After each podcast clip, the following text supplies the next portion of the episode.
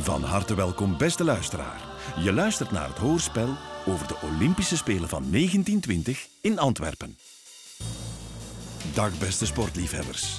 We gaan terug naar de zomer van 1920. De Atlantische Oceaan. De prinses Matoika is op weg naar Europa. Dit schip werd tijdens de oorlog nog gebruikt om gesneuvelde soldaten te vervoeren. Zie, kapitein! Ja, Ah, dat stinkt hier zo hard in mijn kajuit! serieus? Ik weet niet hoe het komt, jongen. Man, man, en al die ratten!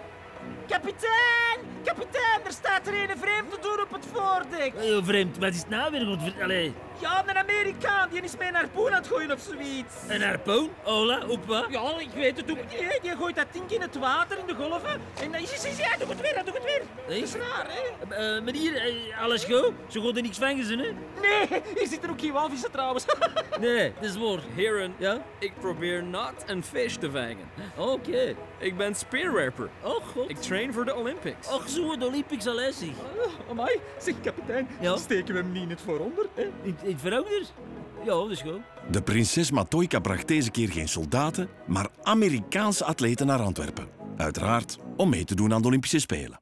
Deze atleten trainden onderweg door hun speren en discussen aan een touw over de reling te werpen. En natuurlijk ook door ratten achterna te zitten en dood te kloppen. Uiteindelijk, na een helse tocht, kwamen de Amerikanen aan in de haven van Antwerpen. Welgekomen in stad, ladies and gentlemen. Yeah, glad I'm finally here to zijn. Whew. Oh yes, eindelijk van die stingboot af. Ja, ja. Maar eenmaal in Antwerpen zien de Amerikanen dat ze hun wedstrijden moeten zwemmen in een donker, modderig stuk van de stadsgracht. En hier, dames en heren, het zwembassin. Dit is het zwembad? Hier moeten wij in? Huh? Ja, we hebben dat hier serieus rap gebouwd. Allee, het was hier eerst gewoon een stuk van de stadsgracht. Maar dan mochten het wel wat gemakkelijker. Schoon, hè. Schoen? Dat is een moeras. Ja, allee, wij zeggen hier schoon als we het mooi bedoelen. Ja, proper is anders, hè. Really, ik zie de bodem niet. Hoe diep is dat hier? Eh, ik weet niet, eh, voel eens. Oh, dat is heel koud. En daar zwemt precies iets. Ja. Zijn dat ratten? Ja, ja, dat zijn die van Keel. zeg, hey, golle kunt nou bevreesd met niks lachen, golle. Na de Eerste Wereldoorlog werd de wereld geteisterd door een dodelijke pandemie. Vergelijkbaar met de coronapandemie van tegenwoordig, de Spaanse griep. De 13-jarige Amerikaanse Eileen Riggin overleefde de ziekte ternauwernood. Op doktersadvies begon ze te zwemmen om er terug bovenop te komen. En een jaar later werd ze geselecteerd voor het Amerikaanse Olympische zwem- en duikteam. En mocht ze zelfs al mee naar de Olympische Spelen. Een bijzonder talent. Ja, en ik sta er nu gewoon naast. Naast schoonspringster Eileen Riggen. Nerveus, Eileen? Ja, best wel. Hè. Ik ben vooral bang dat ik in die modder ga blijven steken. Och, dat gaat wel meevallen. Dat zijn hier professionals. Die komen nu wel redden als er iets gebeurt. Toch? Hé? Toch? Nee, dit ga je van. Ik kan niet met hem met de gauw kant dat gaan water is. Allee, vooruit die van haar, vooruit. Kijk en leer. dat zeker. Goed zo. Zo won Eileen Riggin goud. Ze werd een van de jongste en met haar 1,40 meter ook kleinste medaillewinnaars ooit op de Olympische Spelen. Eh Ruud, jij wilde iets melden? Ja, aan het zwembassin kan de waterpolo-match tussen Zweden en Italië op elk moment van start gaan. Maar er lijkt een probleempje te zijn in de Italiaanse ploeg. We gaan eens kijken. Oké, oké, genti, genti, mannen. Wij moeten gehoor geven aan de roep van ons vaderland. Als trotse Italianen kan ik op jullie rekenen. Ah, no, no, sorry, eh, het is echt te koud. We zijn Italianen, hè, geen Lesberen, eh, hè. nou. Allee. Mamma mia, wat een stelletje softies. Allee, mannetjes, gaat dat hier nog gebeuren of wat? Wat is dat allemaal? Het Zweedse team zit al in het water klaar om te beginnen. Maar die Italianen hebben geen goesting precies. Allee, op eentje na. Ja, zeg, waar is de rest van het team hier? Oh, vergeet die mama's kindjes. Geen ziertje grinta, geen vaderlandsliefde. Kom, arbitro, begin maar. Eh, ja, maar, hallo, ja. Ja, eh, eh, moeten we echt met ons zeven tegen de hele kleine Italiaan spelen? Kleine, Huh? kleine, Ja. ik zal uw piccolo testicolo afdraaien. Kom maar op. Oké dan. Ik lust jullie rouw. Oké, dus die ene zotte Italiaan gaat spelen tegen het hele Zweedse waterpolo-team. Eén man tegen zeven. Ik ben benieuwd. Ja, en de Zweden spelen de bal rond. Die Italiaan komt er voorlopig niet echt aan te pas.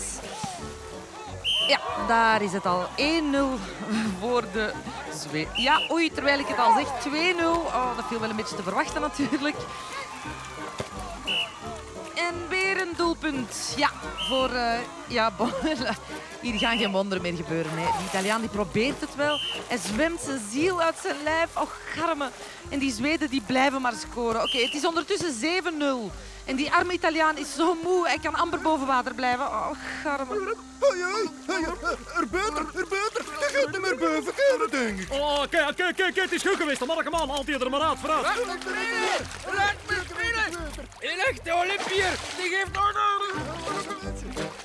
Hij wordt nu als een natte dweil uit het water gehaald. Ja, het is een kuitenbijtertje, de Italiaan. Dat moeten we hem nageven. Ja, en zo lopen er hier nog rond. Ik rep mij ondertussen naar de atletiekbaan, waar zojuist Joseph Guillemot zilver op de 10 kilometer en eerder al goud op de 5 kilometer heeft gewonnen. Monsieur Guillemot, oei, u loopt een beetje mank. Het was een zware wedstrijd, Ah precies. oui, dat is van de Blijnen. Eh, Ik heb deze schoenen geleend, maar ze zijn wat te groot voor mij. U heeft loopschoenen moeten lenen. Oui, maar Heeft u zelf geen loopschoenen? die zijn gepikt na mijn eerste reis. Ik ben nogal buiten adem, hè? Mijn longen zijn beschadigd door monstergas. Oei. Ze marcheren nog voor de helft. Mijn dochter zei dat ik nooit meer zou kunnen lopen. Maar ik heb niet opgegeven. Uw longen werken maar half en u rookt. Natuurlijk. Eén pakje per dag. Ik was nog als soldaat in de oorlog. We krijgen wij dagelijks sigaret bij ons rantsoen. Maar... Pas de tabac, pas de soldat, zeggen wij in Frankrijk. Maar enfin, maar dat is toch niet gezond? Maar excuseer mij, ik moet mijn loopschoenen zoeken. Ja. Net lagen zij hier nog. Veel succes.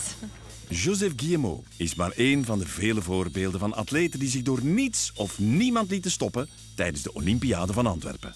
Ze inspireerden in de loop der jaren andere atleten, die op hun beurt weer jongere generaties inspireerden.